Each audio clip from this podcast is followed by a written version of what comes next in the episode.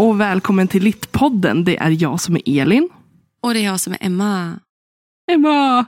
Emma. Jag vill alltså så här, eh, hur går det för dig? Är du också insnöad eller? Alltså, nej, inte längre. För att alltså vi, det Elin menar, här i norr har det varit, Nej, men det har varit, varit överallt. Hela varit Sverige. överallt. Hela, Sverige. Sverige. Sån jävla snöstorm alltså. Nej men alltså det började ju spöregna. Igår Jaha. kväll. Så det var skitäckligt. Och det var, alltså det var så mycket olyckor. Det är helt galet ja. faktiskt. Eh, Nej, nej, Det har varit långa köer och fruktansvärt. Jag läste neröver i södra Sverige. mm. Det var det så här, vissa som hade fått stå och köa alltså, hela natten. De skulle, Oj. ja, jag hörde någon som hade åkt typ söderifrån och skulle upp till Härnösand för att göra pass. Ja. Eh, och det hade de ju missat för att de stod i köer. Liksom. Nej men oj. Och det är så svårt att få tag i passtider nu. Alltså jag lyckades Ja. ju. Jag ska ju eventuellt åka till Sydafrika i början av sommaren och jag hade ju inget pass heller. Alltså jag satt konstant i nästan en vecka och letade passtider i närheten. Fick till slut tag i en tid. Alltså vid nio på morgonen i Kramfors. Ja, och du bor ju liksom strax utanför Umeå. Det är en ganska bra Jajamän. bit. Ja, men det, De som var, inte vet. det var ju två timmar enkel väg. Liksom. Mm. Och sen två timmar hem igen. tog en hel dag nästan för mig. Mm. Men du fick tag i en väldigt bra bok efteråt. Ja, alltså jag är ju lite så här, ja, men alltså när jag ändå var där nere, jag var nästan på väg att dra ner till Härnösand och bara se deras bokutbud bara för att, ja men nu är jag ändå här nere. Mm. Men eh, jag stannade kvar i Kramfors, jag har ändå vuxit upp typ i Kramfors runt omkring omnejd. Sollefteå Mm. är liksom inte så långt ifrån. Och spenderat mycket tid i just Kramfors. Så jag bara, ja men de har ju bokhandel och de har ju massa second hand. Så då gick jag in och kollade in deras bokhandel som var skitfin. Mm. Eh, och hittade en Alice i Underlandet med Tove Jansson Ja. eh, som illustratör. Jag har aldrig sett den förut faktiskt.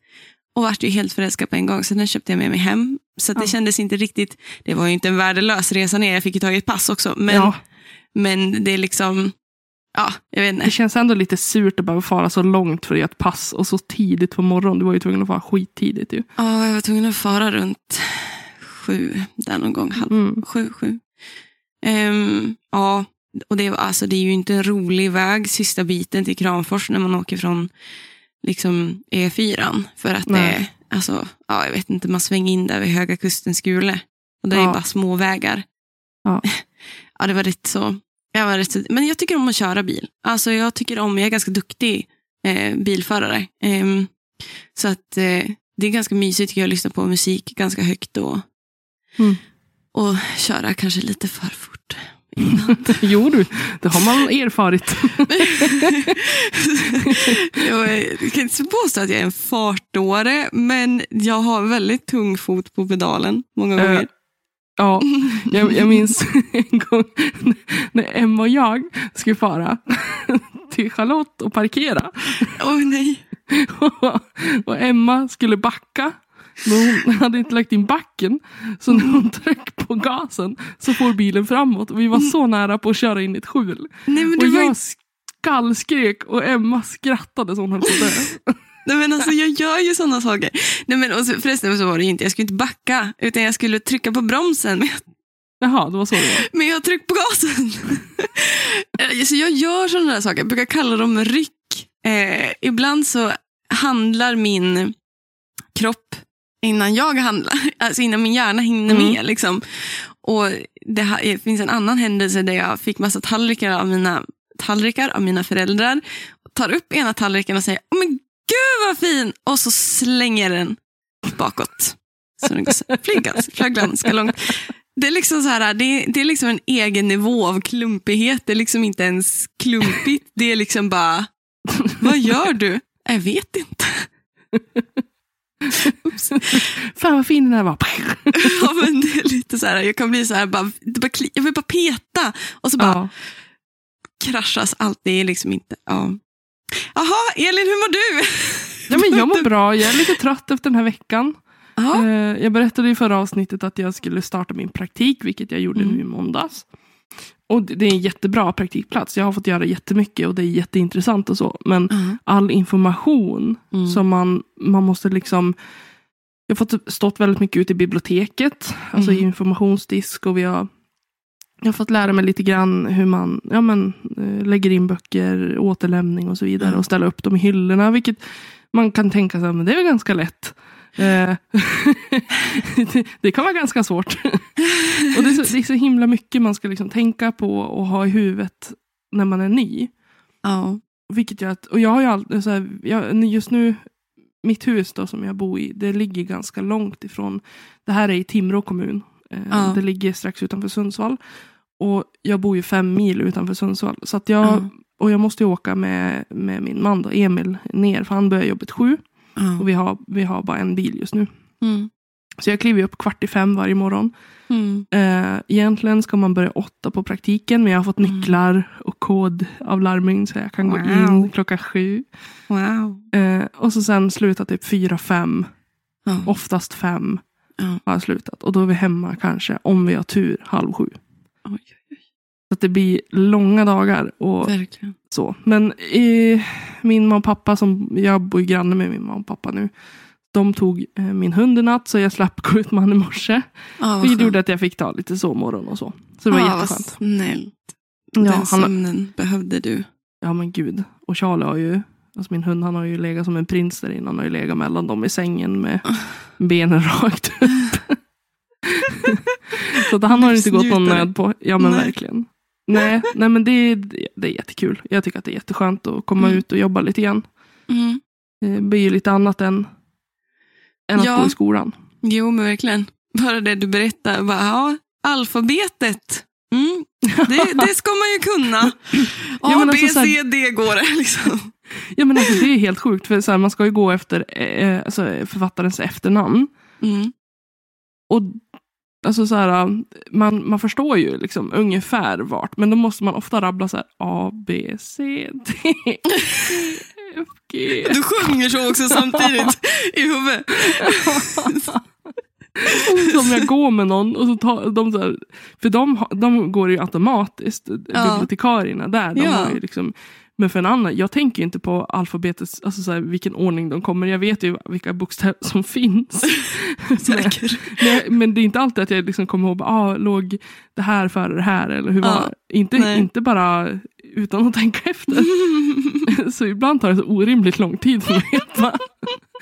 och så kanske det är så att det är, och säga att någon heter Mellberg. Mm. Och så finns det ett annat efternamn som ME till exempel. Och så, Mm. eh, då måste man ju gå efter typ tredje bokstaven. Ja. Man bara, ah, det här är för jobbigt för min hjärna. Alfabetet hörni, det är, det är bra om ni lär er det. Ja, det är, lär dig det i skolan. Nej, men alltså, jag känner mig som en idiot ibland. Jag bara A är lättast och sen B och sen är det kört. Oj, oj. Men det är skönt. Jag, jag tänkte så här, man kanske får skriva upp det på armen och typ snegla lite försiktigt. A. Ja. Do it, do it. Hur går det för dig då? Du håller ju på med din C-uppsats. Nej, inte Ja. C-uppsats. Du håller på med din magis- Nej. förlåt, magisteruppsats. Oh, nej, så uppsatsen är ju klar. Ja. Tack Kallar man det här för D-uppsats? A, B, C, D, A.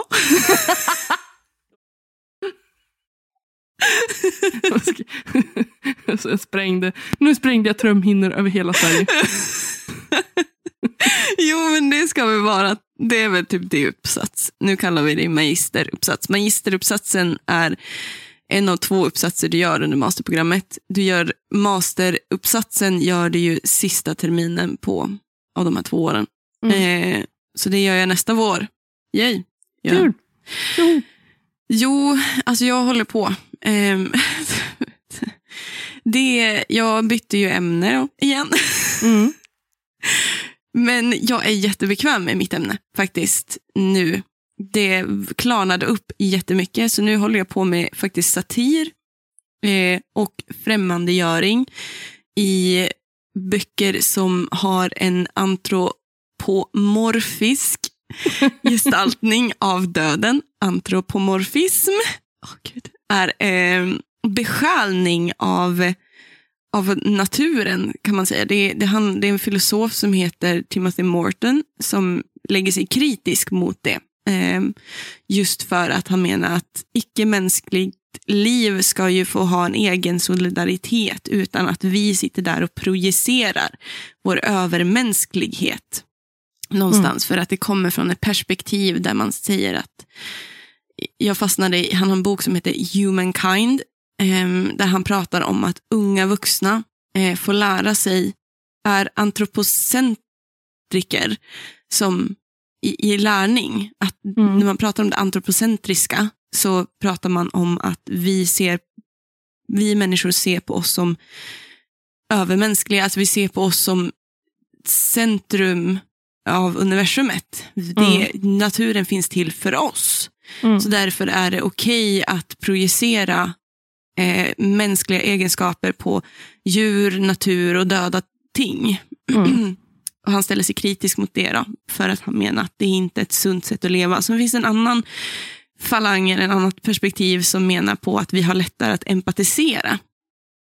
Alltså vi kan ta kanske miljökatastrofer och hot, hot mot naturen och det som inte är mänskligt eh, med större empati och sympati om vi har en eh, antropocentriska perspektivet då, på mm. dem. Um, ma, ty, oftast i typ fabler använder man ju antropomorfiska gestalter, men liksom lägger mänskliga egenskaper och drag och karaktärsdrag i djur. Mm. Eh, I Narnia har vi till exempel, eller också i Sagan om ringen har vi ju enterna, alltså träden där som blir mm. hälften människa, hälften träd, fast de är i sin egen varelse någonstans. Mm. Och jag sitter och kollar på det där just med att om man då, om döden, alltså döden blir en gestalt, typ liemannen, han är egentligen ett dött ting, han är ju ett naturväsen någonstans, han, är ju någonting, han ska ju vara icke-mänskligt.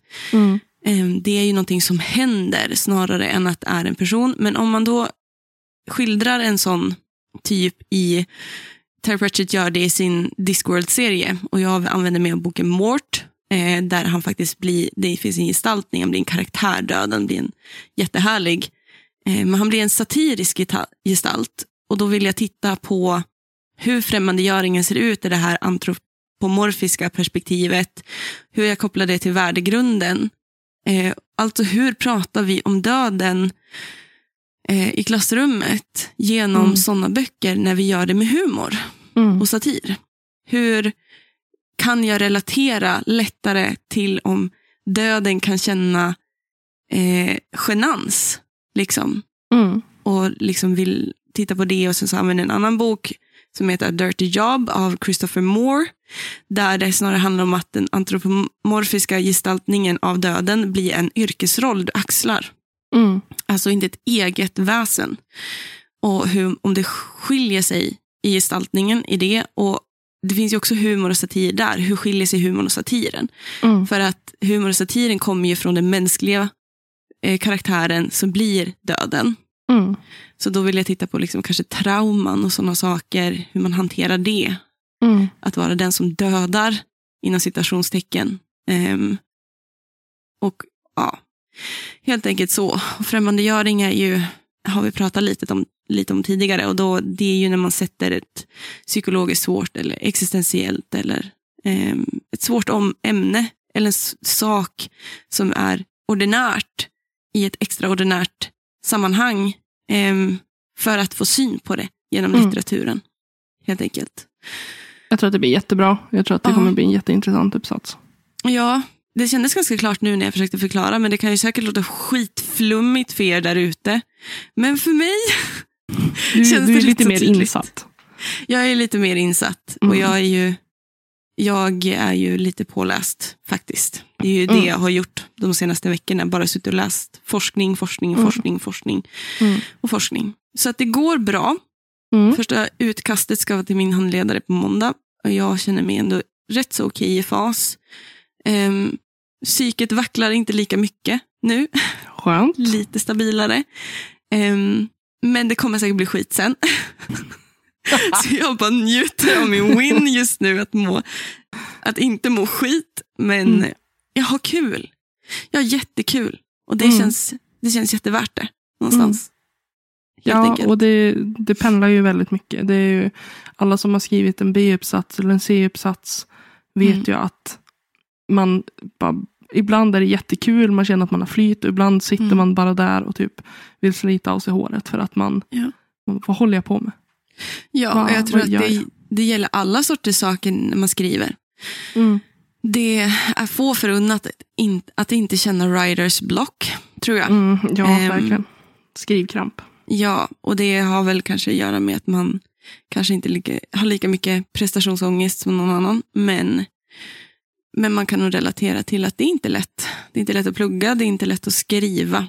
Bara att skriva, skriva, skriva. Nej. Mm, faktiskt, ibland. Så det är, det är livet. Det är vad det är. Återkommer väldigt ofta till det. Livet, det är vad det är. Ja, det är vad det är. Idag är livet Mm. eh, också vad det är.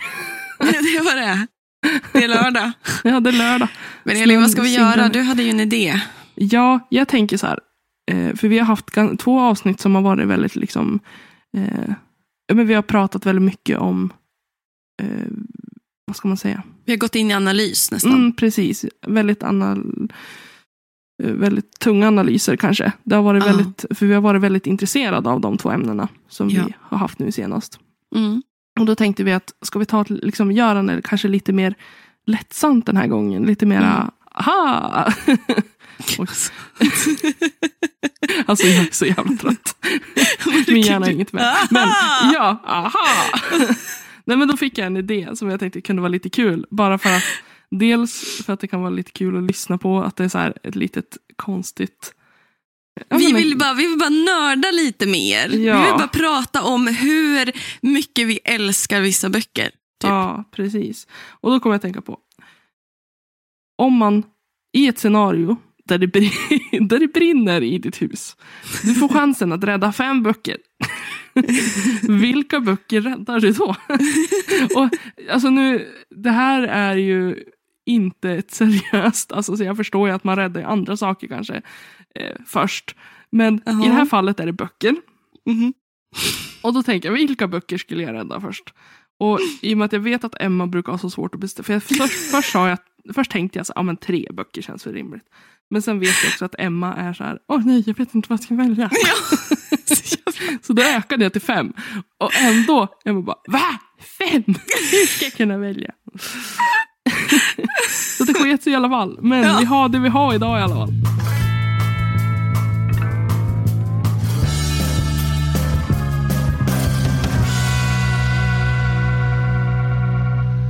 Min första bok kanske inte är så här, eh, jätteförvånande om man har lyssnat på oss ett tag. Eh, jag pratade i, vi hade ju ett avsnitt om dikter och Åh, lyrik. får jag gissa? Får jag gissa? Får jag gissa? Får jag gissa? Ja, Det är Att skriva av Margarita Ra. nej. Fan! Oj. Du, du, du. Nej men eh, den första boken jag valde var bara för att eh, om, när vi pratade om dikter och så, då berättade jag att jag älskar ju Bellman. Oj. så därför är min första bok som jag ska rädda ett samlingsverk av Carl Michael Bellman. Eh, Du och dina drunkies, tänkte jag säga. Dina fyllon. ja, ja, men jag, jag tycker om lite så tragiska livsöden och så. Va? Vad gör du? Nej, nu, det där var ju påhitt. Men jag, jag, jag känner väldigt starkt för människor i Who are you? Vad har du gjort med Elin? Men jag tycker att det är hemskt. Han ligger där i, i eh, liksom, Men buhu. Ja. Men i alla fall, den här boken är ju tryckt 64. Så att, Ja.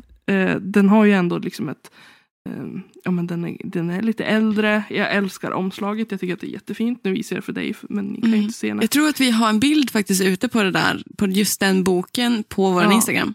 Ja, och så, kanske vi, lite. och så kanske vi lägger ut någon bild eh, lite senare. Alltså på alla böckerna så att ni Ja. kan se vilka vi pratar om nu. Eh, men den skulle jag rädda i alla fall för att jag använder den ganska ofta när jag liksom vill läsa lite dikter och så. Ja. Går jag ofta till Fredmans epistlar, Mm. bläddrar lite. Så det var min första som Mm. jag skulle ha valt. Ska vi, vill du vi, eh, tala om en av dina böcker? Ja, vill du gissa? Ja. Eh, jag vet. Två av dem vet jag ju. Ja. Okej, jag, t- jag tänker att den första du kommer välja är Alice i Underlandet som du eh, fick i England som är från 1800-talet. Ja, det Ja. är det.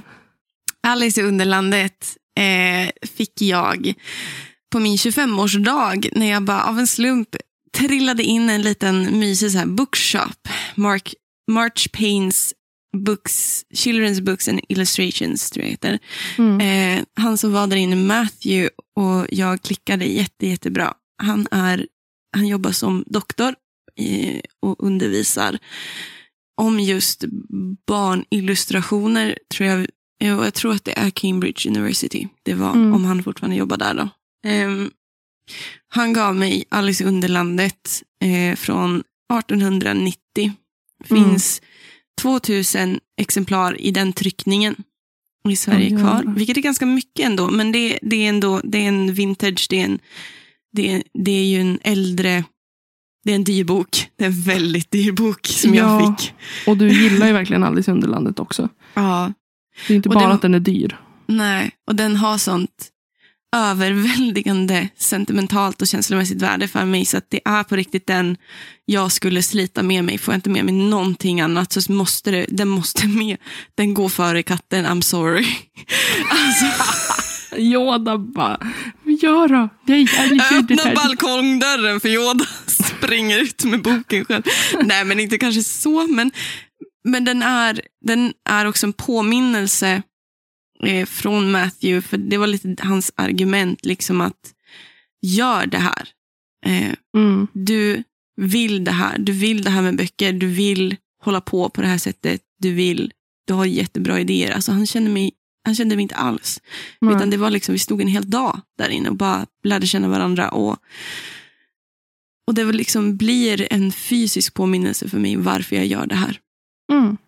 Eh, och den är bara, alltså, jag vet inte, den it keeps me sane. Den, Mm. har, tagit igen, den har tagit mig igenom otroligt tuffa saker. Eh, många gånger, just den specifika boken, den påminnelsen. är. Så att, ja. Och den är är väldigt första. fin också. Den är väldigt fin. Eh, jättefin. Det är så traditionell, ehm, illustration, traditionella illustrationer. Så det är en väldigt, väldigt fin bok. Eh, Så Mm. har en liten punkare målad där på baksidan. så här, det är någon som har ägt den innan. Liksom. Så att Ja. det, det är någon som har målat dit en liten punkare. Och det passar mig bra tycker jag. Det kändes som att det var liksom, den skulle hamna i dina händer till slut. Den, den och jag passar perfekt tillsammans. Helt Mm. enkelt. Mm. Så vad är din andra bok då? Okej, min andra bok är, inte för att den är så snygg, men det är Tartuffe av Molière. Alltså, Tartuffe. Jag älskar Tartuffe. Alltså det, det, den, Förstår så, inte. den är ju så jävla rolig. Om ni inte har Ja. läst Tartuffe, så gå, om ni inte vill läsa Tartuffe, det är, liksom, det är ett väldigt speciellt språk. Eh, Ja. Den är från 1700-talet tror jag. Ja. Och den är också skriven på rim, vilket jag tycker är jättekul. Men det är ju, en, Mm. det är ju liksom en, en teater. Eller liksom ett, Mm. eh, Ett ja, drama. En, ja, precis. Så den finns ju på SVT Play eh, se. Mm. Med Peter Haber och, eh, men gud, Robert. Med komikern. Oj, Gustafsson, jag, Robert Gustafsson, tack. den Eh. Robert Gustafsson, nej det är Björn Gustafsson. Den Ja, äldre, ja okej, just det. Han hette ju Björn. Robert Gustafsson spelar Tartuffe och han gör ett jättebra jobb. Jag trodde liksom att det skulle bli lite skämtsamt och bara som hans andra roller. Men De han gör ju- Tartuffe jättebra. De har ju gjort en uppsättning nu av Tartuffe i modern tappning här på Norrlandsoperan i Umeå. Mm, Eh, jag såg det. jag har ju en kompis som jobbar som ljudtekniker på S, vad heter det? SR, SR, Ja. Sveriges Radio. Han menar på det, det största problemet han hade det är att där under några scener så springer Tartuffe ny- naken i Oj. guldkalsonger. Han bara, hur fan ska jag micka den här personen? Rakt Ja. ner i kalsongerna. Jag vet inte hur det gick faktiskt, jag måste fråga sen. ja, men den ska vara bra, Tartuffe. Ja, jo, jag tycker att eh, den är väldigt rolig. Jag tycker att eh, nej, men jag, jag gillar den jättemycket. Och eh, det för mig har också en betydelse för att jag förra året så skrev jag och en, eh, några andra i min klass en barnbok där vi utgick från Tartuffe. Mm. Och det tyckte jag var jättekul. Så Mm. att Tartuffe är väldigt speciell för mig. Och även om boken inte är så jättesnygg så skulle jag roffa åt med den. För att jag tänker, har mitt hus brunnit ner behöver jag skratta lite grann. Och då kan jag skratta lite åt Tartuffe. Yes. Så. Reasonable enough. Ja, Yes. jag känner det ändå. Det, Ja. det känns rimligt. Den är Ja. ganska lätt också. Den är inte så jättetung att bära. Så att, Nej, precis. mm. Snyggt. Ja. Och din nästa bok? Min nästa bok är eh, T.S. Eliots ehm, The Wasteland and Other Poems. Eh, den, det, den är liksom inte så svår att få tag i som kanske Alex Underlandet är. Liksom den versionen jag har. Mm. Men eh, jag, den är full av anteckningar för att jag använde den både i min B-uppsats när jag började på litteraturvetenskapen och min C-uppsats. Skrev jag om The Wasteland och använde mig av just den där. Och ehm, The Anointed One hade jag också på, på, som pdf. Men Mm. den här den är full av understrykningar och den är full av anteckningar och tankar. Det blir nästan som en dagbok för mig för att den har fått spela så stor roll för mig. eh, Någonstans. Det var vart, det var, det är en av min, det The Wasteland är liksom en av mina första kärlekar. Någonstans blir det. Mm. Den, den, och just den där boken, den står till och med i mitt- med i mitt vitrinskåp bredvid Alice Underlandet. Mm. Ehm, men det, det är ju liksom, den är ju den är tryckt nu, liksom. det är inte något sånt. Liksom. Men det är just det sentimentala värdet kring det känslomässiga. Att den har tagit mig hit på sätt och Mm. vis. Eh, Mm. jag, så jag älskar, älskar, älskar den boken. Liksom. Mm. Så det är den. Det är inte så mycket mer i det än det. Liksom. Nej. Nej, men det behöver inte vara någonting, en, en jätteharang av emotionell, ja, emotionella liksom känslor kring en bok. Utan den kan bara vara speciell för att den är speciell. Ja, för den har varit min följeslagare hit. Ja, och att liksom. den har varit en väldigt stor del av din utbildning. Mm. Och att du Precis. också föll för den direkt. Ja, ja. Första, första gången vi hade han på seminariet, liksom, min första seminariet, tror jag, nä, näst, ja, den första kursen jag gick på litteraturvetenskapen, då behandlade vi modernismen. Eh, och när vår liksom, professor tog upp den och pratade om den, vi, vi hade Karin Boyes översättning också, och jag bara förälskade mig, det så här, blixtförälskning, liksom, Mm. på en gång Mm. i allt. Och mycket för att jag såg den jättetydliga kopplingen mellan The Wasteland-dikten av T.S. Eliot och Stephen King. Mm. Helt enkelt. Och det var det du skrev om i din C-uppsats. Precis, intertexterna Mm. i det. Ja, Så, att, Så ja, din men- Mm. tredje. Min tredje är ju då, eh, det är ju två böcker i en kan man säga. Ja, För att ett par, de hör ihop. Och det här Ja. är typ, tycker jag, det här är mina äldsta böcker som jag har. Okej. Eh, det är Victor Hugos Esmeralda. Esmeralda 1 och 2. Aha. Och de här är tryckta 1913. Så nästa år blir de 110 år gamla. Wow! Ja, Fan vad coolt! ja och pappret är, det känns typ så här eh, som att den är tryckt på lite, ni vet bakplåtspapper. Det här Ja, bruna. Bibelpapper. Ja, precis. Så, tunna, sånt papper. Ja, Eh, nu är det ju det är någon som har skrivit, det är två stycken som har ägt de här innan och har skrivit in sina namn i dem, så det är ju lite Mm. tråkigt. tycker inte Eh, jag älskar sånt. Ja, alltså, men jag tänker att så här, när det är en riktigt gammal bok så hade man gärna velat haft den i så bra skick som möjligt. Eh, Jaha. för att värdet på boken sjunker ju också. Om Jo. någon har skrivit i den. Men nu tänker jag ju inte sälja dem. Men Nej. det är lite tråkigt så. Eh, och så är det liksom, vissa sidor är, eh, är det hål i. Också av någon Mm. anledning.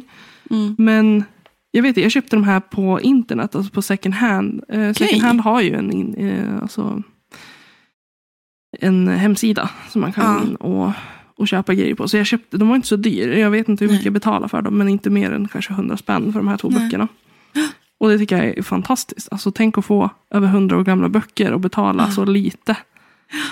Eh, Och jag tycker att de är ganska cool också. Jag tycker ändå Ja. att de, de, de, har, de är lite skärmiga, de är lite slitna i ryggen och så. Men jag tycker att de är jätteskärmiga. Älskar gamla böcker.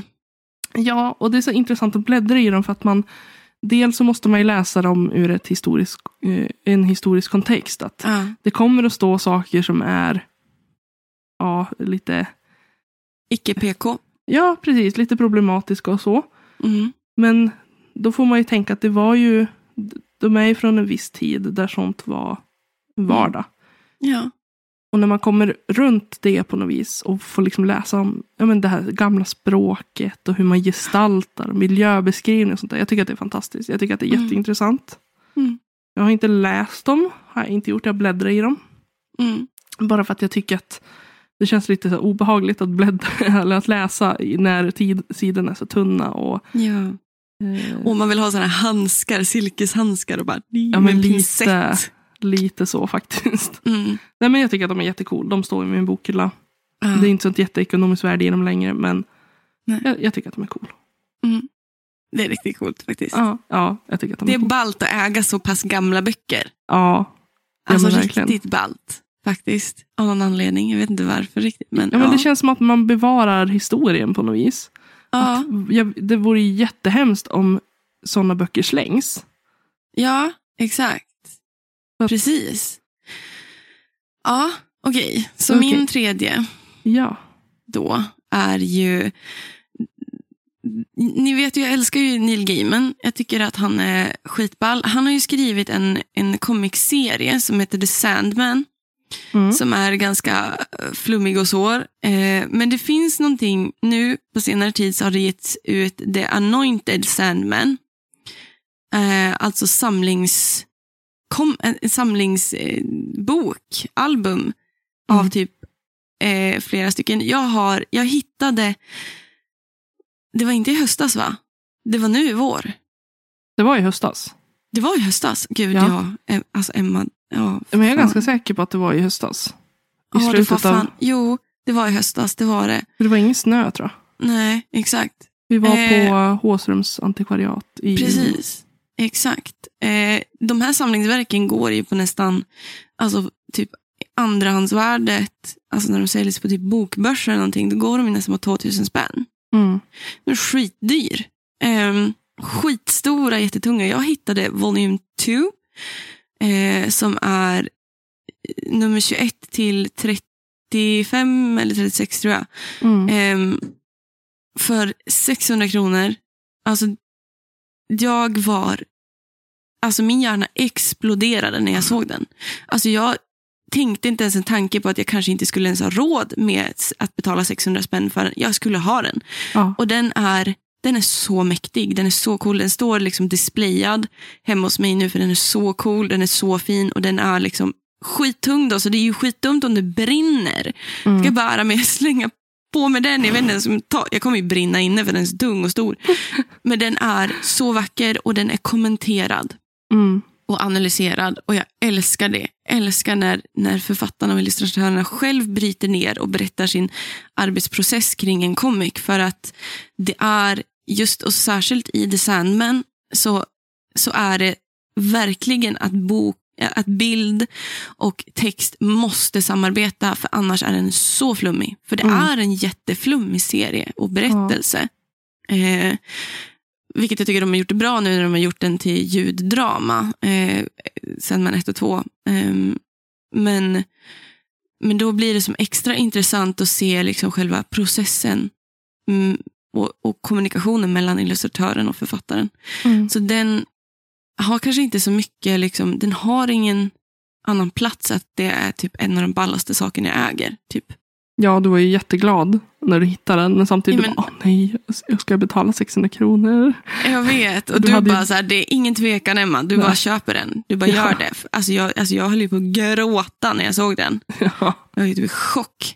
Så det, Men eh, de var ju väldigt snälla också, för vi pratade ju med eh, en som satt i kassan och vi sa att vi var litteraturvetarstudenter, så vi fick 10% rabatt. ja, det var väldigt nice. Ja, 10? Ja, jag vet inte. Var det 10 procent? ja vi fick 10 Ja, men vi behöver inte diskutera sådana saker. Det är, sånt gillar inte jag. Gillar, jag gillar inte. Det är inget nice. Men jag tycker men när det- man är det- en student så var det jätte, jättesnällt. Ja, det var jättesnällt. Håströms personalen är skittrevliga. Ja, Verkligen. jag tycker verkligen att ni ska fara dit om ni bor i Umeå. Mhm. Så din då? Ja, min fjärde bok. Mm. Eh, den tog jag mest bara för att jag är så jävla arg att den var så dyr. så att jag ska inte låta den vilja brinna inne för då känns det som att jag har kastat typ pengar i sjön. För att jag var tvungen att betala 700 spänn för den här boken. Så jag tycker att den här får leva kvar eh, tills jag dör. Och det är den här jävla, oj förlåt.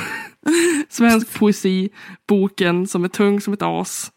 Ja, som vi Alla behövde typ- köpa.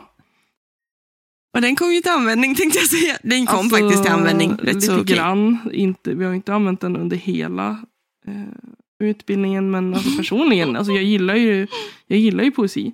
Så Mm. att där, det var väl bra, men Ja. jag skulle ju inte låta den brinna inne för att alltså jag har lagt ut massa pengar på den här boken. så att jag känner rent, rent eh, ut, själviskt och eh, lite, ja. Nej, jag känner att jag, jag skulle inte vilja slängt ut de här pengarna på den här boken för att den sen ska brinna upp. Eh, Nej. Nej, Så därför jag tog jag, det. därför tog jag den.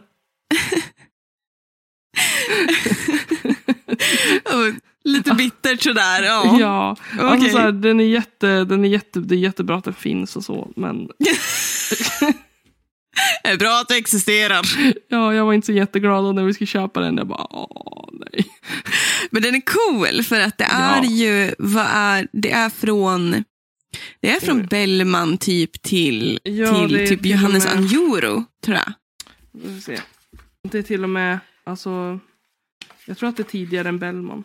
Jag tror Mhm. att det är, ögonblick. Mm, De står uppradade efter diktare. Runpoesi börjar det med. Mhm. Ja, så det är till och med därifrån. Ja. Eh, från, ja, och så är det dikter från 1500-talet och uppåt. Ja. Eh, och så följer det då genom tiderna. Och vi har ju Cornelis Vreeswijk till exempel, Ja. är ju lite mer modern. Och sen har vi ju Johannes Anjuro och Athena Ja. Farrokhzad. Eh, Christian Lundberg. Mm. Så de, det är väldigt mycket gammalt möte nytt. Mm. Och allt däremellan. Eh, Evert Ja. Taube, Ja. eh, Karin Boye Ja. och sådär. Märta Tikkanen tror jag är med där också. Ja, jag tror det också. August Strindberg. Ja. Eh, Ja, det är verkligen en så här samlings, samlings av svensk poesi. Av Mm. de som har mm. liksom, Så jag förstår ju påverkat. varför den är dyr också. Och varför den är Jo. så tung. Ja, verkligen. Men det sved i plånboken att behöva köpa den här. Ja, jo. Och därför det, tänker jag att då får den följa med ut i branden. så jag får valuta för mina pengar.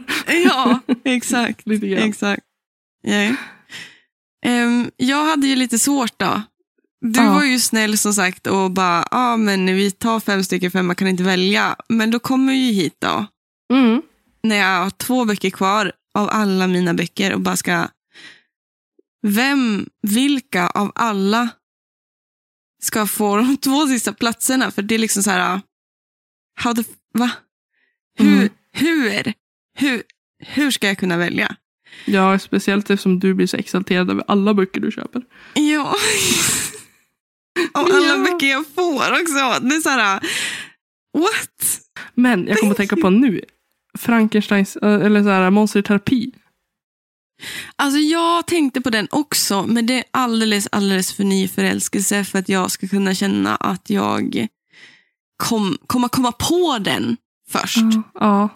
Liksom, så att jag bara ah, roff- roffar åt mig den.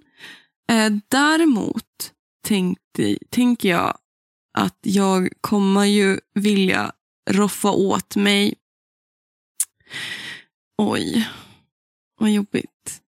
En del i mig tänker så här, men Emma du måste, du måste helt enkelt roffa åt dig någon Strindberg-bok bara för att du faktiskt har en samling. Jag har ju fucking samling av Strindberg. Alltså jag har så mycket Strindberg-böcker nu, bara för att jag avskyr han. Så bara för att påminna mig själv om att jag har haft så här många Strindberg-böcker, faktiskt ägt så här mycket Strindberg.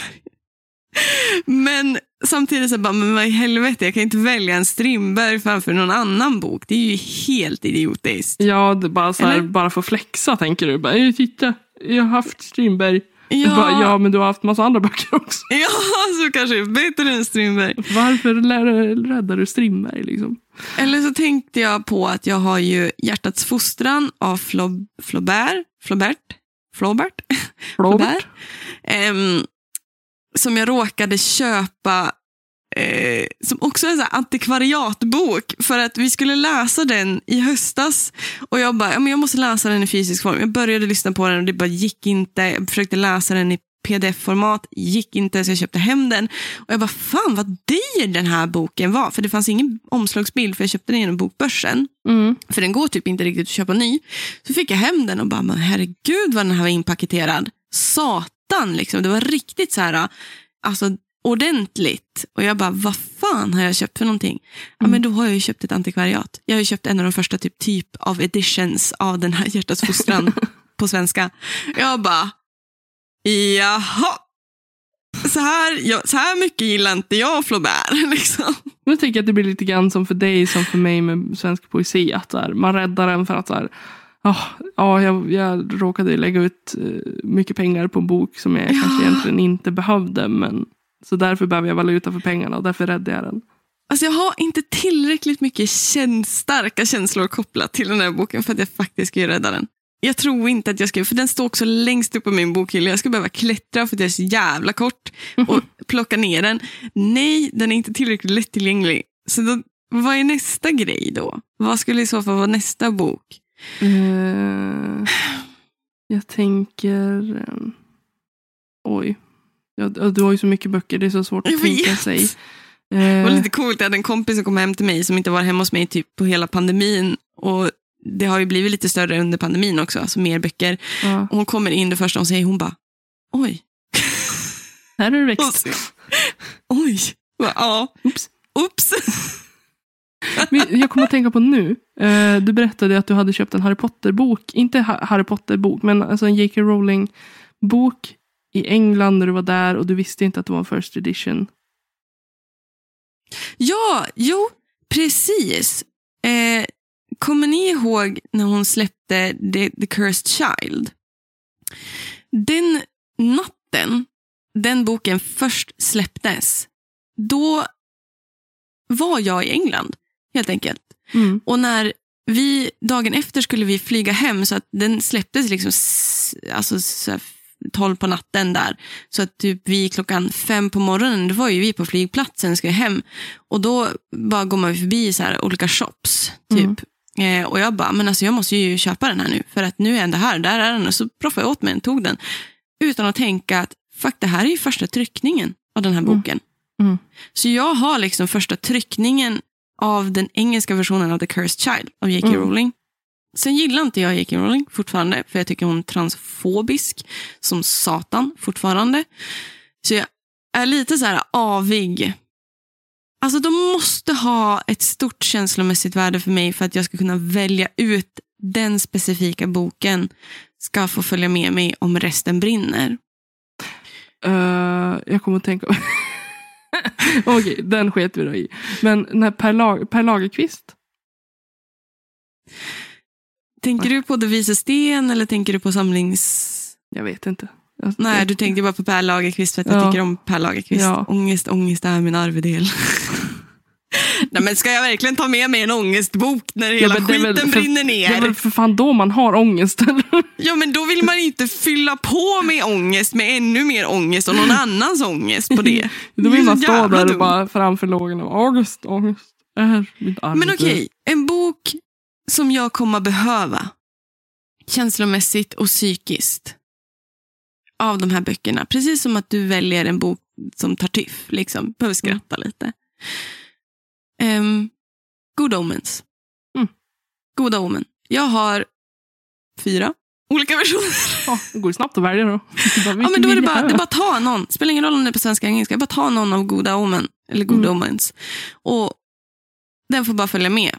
Mm. För att Goda, Goda Omens, den boken också har ett berättelsen, inte liksom boken, boken av alla fyra jag äger, har liksom, just Goda Omens har ett jättestort känslomässigt värde för mig. Eh, Mm. Eftersom det var den boken och jag såg serien eh, direkt efter en vän till mig hade tagit livet av sig. Eh, den höll mig sane igenom en sån upplevelse. Mm. Det är inte ens en upplevelse, en sån, ett sånt trauma. Ehm, så att den boken och den berättelsen på riktigt är det som fick mig att koppla bort det här jobbiga. Det här som hela tiden var där och försökte paja mitt psyke. och ta, samtidigt med serien släpptes samtidigt och sista låten på den serien, eh, A Nightingale sang on Berkeley Square.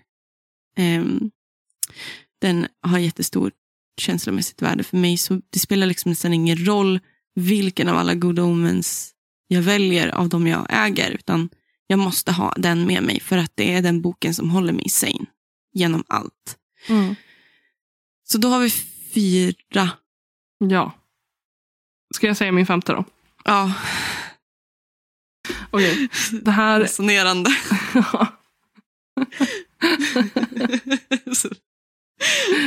Okej, den här eh, har inte, den är inte, det är inte en gammal tryckning. Ehm, framsidan är liksom, den är fin. Eh, och det är visserligen en av mina favoritförfattare, Marguerite Duras. Men det är inte därför jag väljer den boken. Utan den här boken heter Monsieur Ademas, eh, Andemas eftermiddag. Okej. Eh, jag har inte läst den än. Men det här var den sista eh, presenten jag fick av min farmor innan hon gick bort. Åh, Eh, några veckor innan hon gick bort så var vi i Sundsvall på Birsta City, heter det. Det är ett köpcentrum. ja. Och eh, då, hon var väldigt, eh, vi hade liksom fått reda på att hon hade en hjärntumör, hon ska opereras inför den. Ja. Och det var nästan min födelsedag. Det här var i början av mars eh, 2020 och hon dog i slutet av mars 2020. Så det var ju verkligen eh, nära. Det sista. Mm. Precis. Så hon och jag och min farbror eh, åkte ut på Birsta city och hon satt i rullstol. Jag skjutsade runt henne och vi åkte in i olika butiker och så. Hon ville jättegärna köpa presenter åt mig till min födelsedag för hon skulle ju inte kunna vara med Mm. när jag fyllde år. Och så Nej. var vi inne på Akademibokhandeln och det var rea. Mm. Och jag stod och tittade på den boken. Mm. Och hon sa, men jag köper den. Jag köper den. Så den har ett jättestort emotionellt värde på grund av det. Att det här var det, en av de sista saker jag fick av henne. Ja. Ehm, jag, har inte, jag har inte kommit med föreläsaren. Jag blir väldigt ledsen. när jag, Nej. när jag, jag blir väldigt glad och väldigt ledsen samtidigt. Jag, jag känner att jag... Eh, jag känner inte att jag vill läsa den än. jag tror Nej. att jag bara vill låta den stå där ett tag. Ja. Och, Det blir ju så där med böcker att de har ju, när man, när man, gör som, när man lever som oss, du och jag, liksom, Mm. och det kan säkert ni som lyssnar relatera till också, att vissa böcker tar dig igenom saker bara. Eh, Och det är liksom det, är det som är främmandegöring kanske också. Mm. Men ibland rent i fysisk, sentimental, liksom, sentiment, i, i det fysiska sentimentala värdet så tar de dig igenom saker. Mm. Lika mycket som att just den där specifika boken för dig har hjälpt dig på sätt och vis att hantera att du tappar någon som har varit dig väldigt, väldigt kär. Mm. Så har liksom Goda Omen-boken, berättelsen, spelar ingen roll vilken jag tar, jag måste ha den med mig Mm.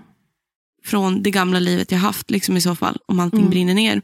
För att den har, den har tagit mig igenom, hjälpt mig hantera att också tappa någon jag haft väldigt kär. Mm. Ehm, det är liksom, boken i sig blir den här främmandegöringen. Den Mm. här äh, att sätta det här jobbigt psykiska Mm. i en annan kontext. Man kan applicera det på någonting annat som inte kommer att ta skada av det. Liksom. Mm. Det kan bära en del av bördan åt dig. Att det är liksom det är rätt så viktigt och det är kanske därför jag har så svårt att välja också någonstans för att de böcker jag läser är, blir ju också som min minnesbank någonstans. Den, de, de är relaterade till olika specifika händelser i mitt liv eller accomplishments eller, eller bara vem jag var då. Liksom. Mm. Helt enkelt. Någonstans. Jag kan ju liksom känna att böcker som har fått spela stor roll för mig i gemenskap med någon annan och om jag och den andra personen har liksom inte längre är liksom on good terms, då kan jag ha svårt att gå tillbaka till den berättelsen, gå tillbaka till den boken Mm. för att den påminner mig om den här personen eller något sånt Mm. där. Mm. Böcker tror jag många gånger går under radarn för oss Mm. i just det känslomässiga. Ja, det behöver inte vara själva storyn i sig utan vad den Nej. symboliserar eller vart man har köpt den eller vem man har fått den ifrån. Som Nej. sagt. Ehm, som gör, kan göra att en bok blir viktig. Ja, precis. Jag, vet inte, jag sitter och typ så funderar nu på vad min femte skulle vara. Mm. Och Det känns som att för att vara typ generellt jag, typ för att det är Emma och för att hon har ändå så vissa böcker hon återkommer till som är hennes favoriter, favoriter. Och det är ju typ The Gunslinger, alltså Revolvermannen. Är lätt att prata om dig själv i tredje person också. Jag vet. Och gud, min lilla syster kommenterade det här för dagen. Hon bara, Emma, sluta prata om dig själv i tredje person. Jag bara, men jag vill inte säga jag. Det blir så jobbigt att säga jag. Då blir det så nära. Det, det är lättare att distansera sig om att prata om sig själv i tredje person. Okej, Emma, du är ju lite störd. Men ingenting nytt på den fronten. Hallå. The Gunslinger i alla fall. The Gunslinger, Revolvermannen eller typ ehm, The Hitchhiker's Guide to the Galaxy, en av de här eh, enskilda, inte den här samlingsboken, utan en av de enskilda verken som jag har. Första boken. Ehm, men samtidigt så vet jag inte. Det, ena Gunslinger-boken, jag har ju också jättemånga versioner av den. Mm. Ehm, för att jag älskar att det, han har ju reviderat dem, Stephen King. Så att det finns ju en utgåva som är reviderad och det finns en originalutgåva. Mm. Ehm, men jag har en specifik som det första, första Revolvermannen jag köpte när jag började läsa. Den hittade jag på Öviks eh, Kupan, alltså second hand, Mm. eh, för en skitbillig peng. Och bara, ja ah, men nice, jag har ändå velat ge mig in i den här Dark Tower-serien. Så då, den första, och där, den, när jag så här, förälskade mig i den boken. Men samtidigt så blir det liksom jobbigt av det sentimentala liksom grejen att den bokens ja, det blir liksom jag vet inte, jag hade inte kunnat jag, just nu är jag inne i en i en fas i mitt liv där jag har väldigt svårt att ta mig till Stephen King. Mm. Att helt enkelt läsa Stephen King alls. Mm. För att andra personliga anledningar till det. Liksom. Mm. För att jag, jag, jag get, I get så här emotionally attached. Liksom, eh, I just sådana saker i, i Mm. böcker. Um, och Liftarens guide, ja. Delvis för att, jo, men det finns ju ett sentimentalt värde där också. Men jag vet inte om jag skulle välja den. Så att jag känner nu när jag, i mitt resonerande att jag ändå har en bok som så här, kommer tillbaka. Mm. Och det är min dagbok. Mm. Faktiskt. Min gröna dagbok. Ehm, för att där är delvis så skri- har jag ju en, jag håller ju på och skriver om min liman. Om den gröna dagboken har väldigt mycket av den världen jag skapar och den berättelsen jag skapar i sig. Mm. Eh, och jag vill ha kvar det här, den här början. Eh, Mm. Någonstans, det original innan jag har reviderat hela berättelsen. Men jag har också jättemycket dikter i den som jag inte skriver ner någon annanstans. Annars kan jag skriva ner liksom dikter i min telefon eller små korta stories i min telefon i anteckningar. Mm. Men i den boken så finns det dikter som jag inte har skrivit ner. Ehm, och konversationer jag haft med människor som, där jag har tagit med mig någonting så har jag skrivit ner ord för ord vad personen sagt och hur jag har svarat för att ha kvar i mitt minne. För jag har så dåligt arbetsminne också och vissa saker glömmer jag bort. Eh, och händelser och jag har skrivit mycket om pandemin faktiskt Mm. Hur- hur den har tätt sig. Och mycket om, om just det här dödsfallet jag var med om Mm. finns i den. Och lika mycket som jag hatar den här dagboken, för det är väldigt mycket sorg i den. Och väldigt mycket saker som jag aldrig, aldrig vill att någon någonsin ska veta eller läsa. Mm. Så vill jag ha kvar den. För min egen skull. Det kan ju vara ett, liksom, ett sätt att eh, se hur långt man har kommit också. Att, Ja. här, hur, hur mådde jag då? Hur mådde jag nu? Eller hur mår jag nu? Ja, för det finns ju så ljusglimtarna i den. Jag har inte skrivit ut den än, för jag har, den har varit ganska som sagt, svår att ta upp för att det har varit mycket tunga saker som hänt sen jag fick den. Eh, men ljusglimtarna i den är strålande. När jag haft, när jag skrivit ner de här ljusglimtarna, då är de, alltså de strålar i saker som har varit ganska tunga. Mm. Eh, lyckan av att börja litteraturvetenskapen eller att få min första bra feedback av en lärare. Mm. Att, att få liksom mitt, mitt första höga betyg och, och feedbacken som jag fick i och med det. Alltså, de, de, det, är, det är toppar och dalar i den här boken Mm. som jag behöver ha kvar någonstans för att de topparna och dalarna har format mig till Mm. den jag är idag. Och jag vet att jag någon gång kommer behöva påminnas om det här. Mm.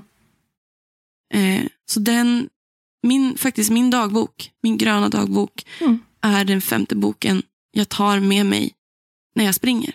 Mm. Tillsammans. Och den tillsammans med Alice Underlandet kommer vara de, de två första jag siktar på Ja. när jag springer. Liksom. Det var intressant att du kom att tänka på det under det här samtalet och inte innan. Ja. ja, men verkligen. att den har, Och den har verkligen kommit här när jag nu suttit och försökt resonera fram mina två sista. Liksom. Den har suttit liksom och bara pockat, liksom påmint mig om att den existerar. typ. Mm. och så. Men du vet ju det också med mig, alltså mina dagböcker är jätteviktiga. Jag har jättemycket fler dagböcker. Eh, jag har alltid skrivit dagbok. Mm. Eh, du har ju också gett mig en ny dagbok som jag kan börja på efter jag har... Eller det, det är ju min romancebok som du menar då. Jag ska skriva ner alla mina. Kommer Nej, inte du ihåg? Jo, du gav mig... Eller? det var väl inte för, det var ju för dina, dina dikter. Just ja, ja, det var det. ja precis. Ja. För mina kärleksdikter. Inte kärleksdikter, Jo, dikter men du överlag. sa det. Nej. Nähä, det kanske jag som läste in det. Ja, för att du hade, Jag bara, du är ute efter mig. ja, för att du hade skrivit en, så här, ett försök till en romance novell aktivt. Och så eh, sa jag, åh det är jättebra. De sen- dog på slutet. Ja, de dog på slutet. Så jag bara, det här är inte romance, Emma. Kan du, kan du snälla skriva någonting där de faktiskt är lycklig på slutet? Men nej, det vill jag inte. Bara, nej. Mm. nej, men och sen köpte jag den där boken för att du skulle kunna skriva upp dina så små dikter. För jag vet Mm. att du ofta skriver dem i telefon. Mm. Och därför köpte jag den där lilla boken. Så att Mm. du bara kan skriva upp. Men du fick ju så himla många anteckningsböcker. Så att, Alltså den här julen, alltså herregud, jag tror jag fick fem nya anteckningsböcker eller dagböcker.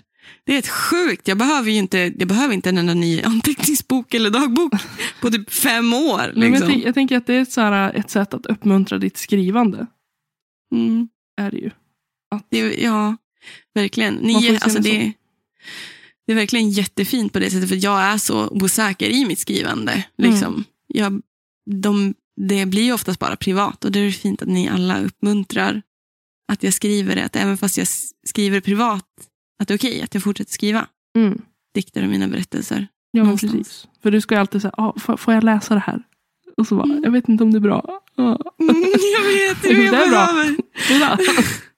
Det är liksom ingen i mitt liv fram tills jag lärde känna typ dig och Charlotte och, och så har någonsin riktigt velat lyssna på mina dikter. Nej. Och, eller jag har trott att ingen har velat lyssna på mina dikter eller läsa mina berättelser. För att jag, det är liksom, jag tänkte, det är ju bara min hjärna och den är ganska flummig. Men ni, ni är väldigt uppmuntrande. Det Mm. ger mig väldigt mycket mod. Det är väldigt fint tycker jag. Your personal cheerleader squad. Yeah, exactly. Like I don't need anyone else than you guys. Jag vill inte stå med såna pom-poms och bara, heja, heja, friskt Jo, humör. och så måste du ha så här pippilotter. Nej men gud. Lut, lut, lut. Så när du ska du så här, vinkla huvudet så här fram och tillbaka som flyger. och så kort, kort kjol på Nej, det också. nej, Magtröja. Ja. Aldrig i livet. Heja! Kommer aldrig hända. Mm, jag ska stå där i svart och bara heja, heja, ha, ha, ha.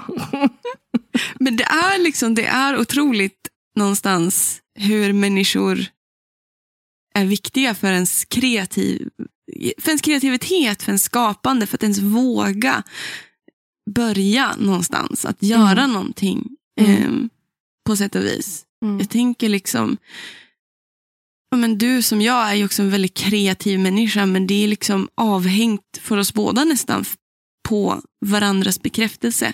Inte bekräftelse, men uppmuntran. Mm. Liksom, du får göra det här och det kör, kom igen, Mm. kom igen. Och man bara ja, ja, okej, okej, nu kör jag. Ja. Och så sitter vi ner och så skriver vi sakta en mening. Alltså jag önskar liksom att jag var lite mer som när jag var barn eller när jag var liksom, gick i mellanstadiet. Då Ja. hade jag en anteckningsbok för mina dikter som jag alltid hade med på skolan och satt och skrev i raster. Eller på Mm. rasterna liksom. Så att jag var ju en sån här svår, ett svårt barn som satt och skrev om döden i sin lilla anteckningsbok. Och så visade Åh. jag min lärare. Eh, Mm. Jag minns en lärare som jag hade, hon var alltid jätteuppmuntrande med mina dikter. Åh wow, åh nej. Och jag bara så här. För döden var jätteåterkommande. Det var så jag liksom tacklade döden, existentiella frågor jag skrev om dem. Ja. Eh, Ja. Framförallt sen eh, i slutet där av 2000, 2004, 2003. Mm. När min farfar gick bort då blev det väldigt mycket om döden. Liksom. så då skrev Ja. jag väldigt mycket om svåra saker. Och det var jätte, men då var man inte så himla rädd om vad folk skulle tycka. Då skrev man bara och så visar man gärna upp. Liksom. Mm. Och nu är det så här, jag skriver en mening som, oh shit det där var dåligt. Jag tror att jag var aldrig... Jag har alltid skrivit, men jag har vägrat visa upp för andra människor. Mm. Just för att jag... Det är saker som är svåra att hantera för mig sätter jag oftast i skönlitterär form eller, på, eller, eller i diktform. Mm. Och jag vill inte att folk ska veta hur jävla dum i huvudet jag är. Jag vill inte att de ska veta hur sjuk fantasi jag har. Alltså hur jag verkligen kan göra. Inte det att jag sk- skriver om sjuka saker, men att jag vill inte att folk ska veta mina tankar liksom, och sådana saker. Men sen så spenderade jag ju väldigt lång tid med att vara väldigt, väldigt gravt deprimerad Mm. under min tonår. Så det är ju väldigt mycket sånt mörker som man kanske inte vill att folk ska veta om att det fanns i en. Vilket är jättedumt och konstigt för att det kan ju kanske... Jag tycker inte om att det finns stigma kring sådana saker för att det tycker jag eldar på den här, det här mörka. Mm. Eh, men jag vet inte, jag har aldrig... Jag har alltid tänkt att folk bara har... Ja, men jag vet inte, jag tror att jag också varit, inte en dramatisk person, men jag har känt mig som missförstådd. Så jag tänker att en, ingen kommer ändå tycka att det här är bra. Nej. Så att skitsamma. Eh, jag sitter och fortsätter skriva om min ond bråd död och mina, mina jättedåliga satiriska liksom, berättelser om, om och fantasyvärldar och sådana saker. Och så får jag väl vara en tönt då. Men jag är en tönt för mig själv. Liksom. Mm. Det är inte förrän nu, senare år, senaste året som jag faktiskt har delat med mig för första gången i mitt liv till andra människor. Vad jag, mina short stories Mm. och sådana saker. Vilket är nytt, tycker jag. Vi kan starta en klubb. Nörd. Skrivcirkel. Skri- Skrivcirkelnördar. Töntcirkeln. Cirkeln är sluten.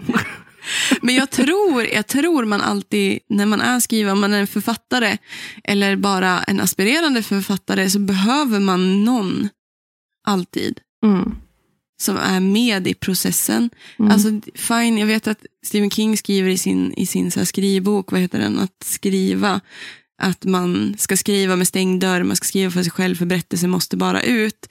Och ja, det, är en jätte, det kan nog vara en väldigt, väldigt bra taktik, men man behöver alltid någon där som man får utlopp hos. Eh, nu har jag kommit så här långt och jag vet inte vart jag är på väg. Och den personen kanske säger att, men behöver du veta vart du är på väg? Nej, Liksom. men jag tänker också att alla är vi unika och Stephen King är en väldigt speciell författare.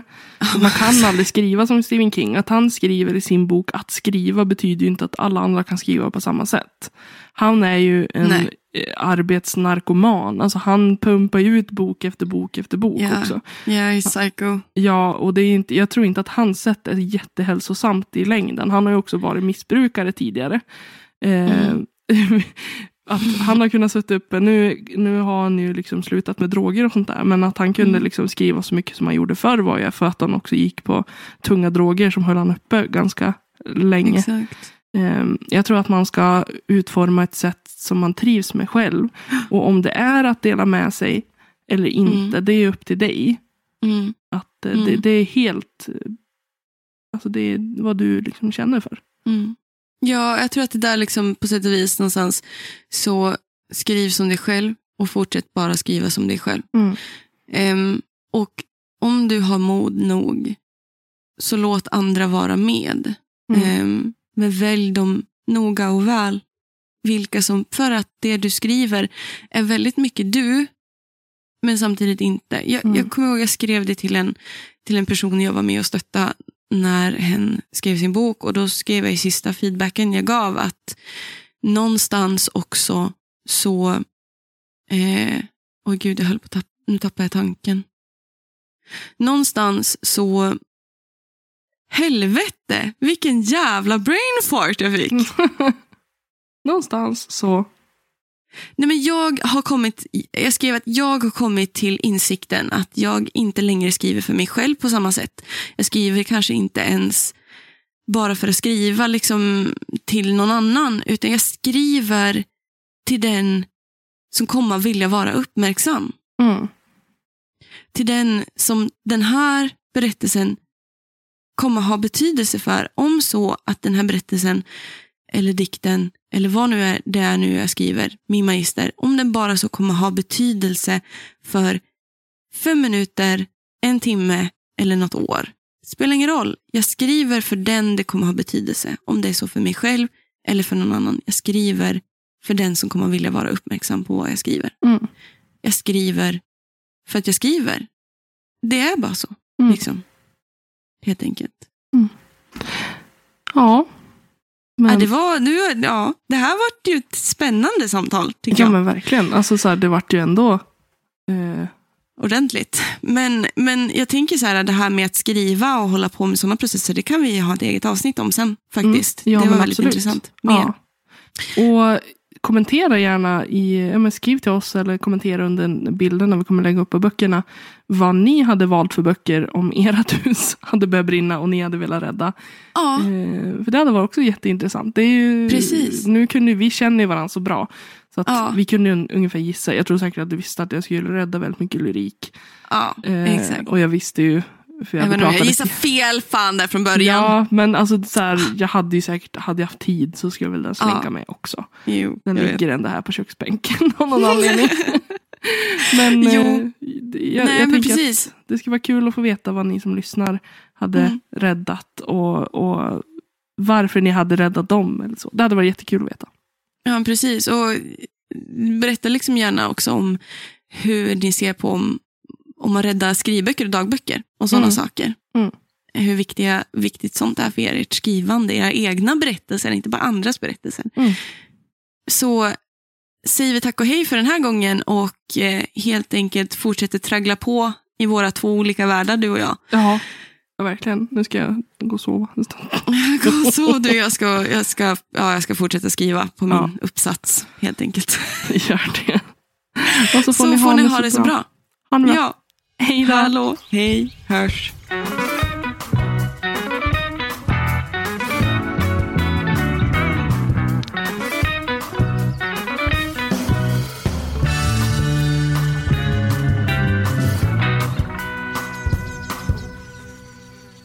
Ni har lyssnat på Littpodden med Elin Oslin och mig, Emma Granholm. Musik och klipp av Magnus Kjellson och Robert Granholm. Tack hörni för att ni har lyssnat.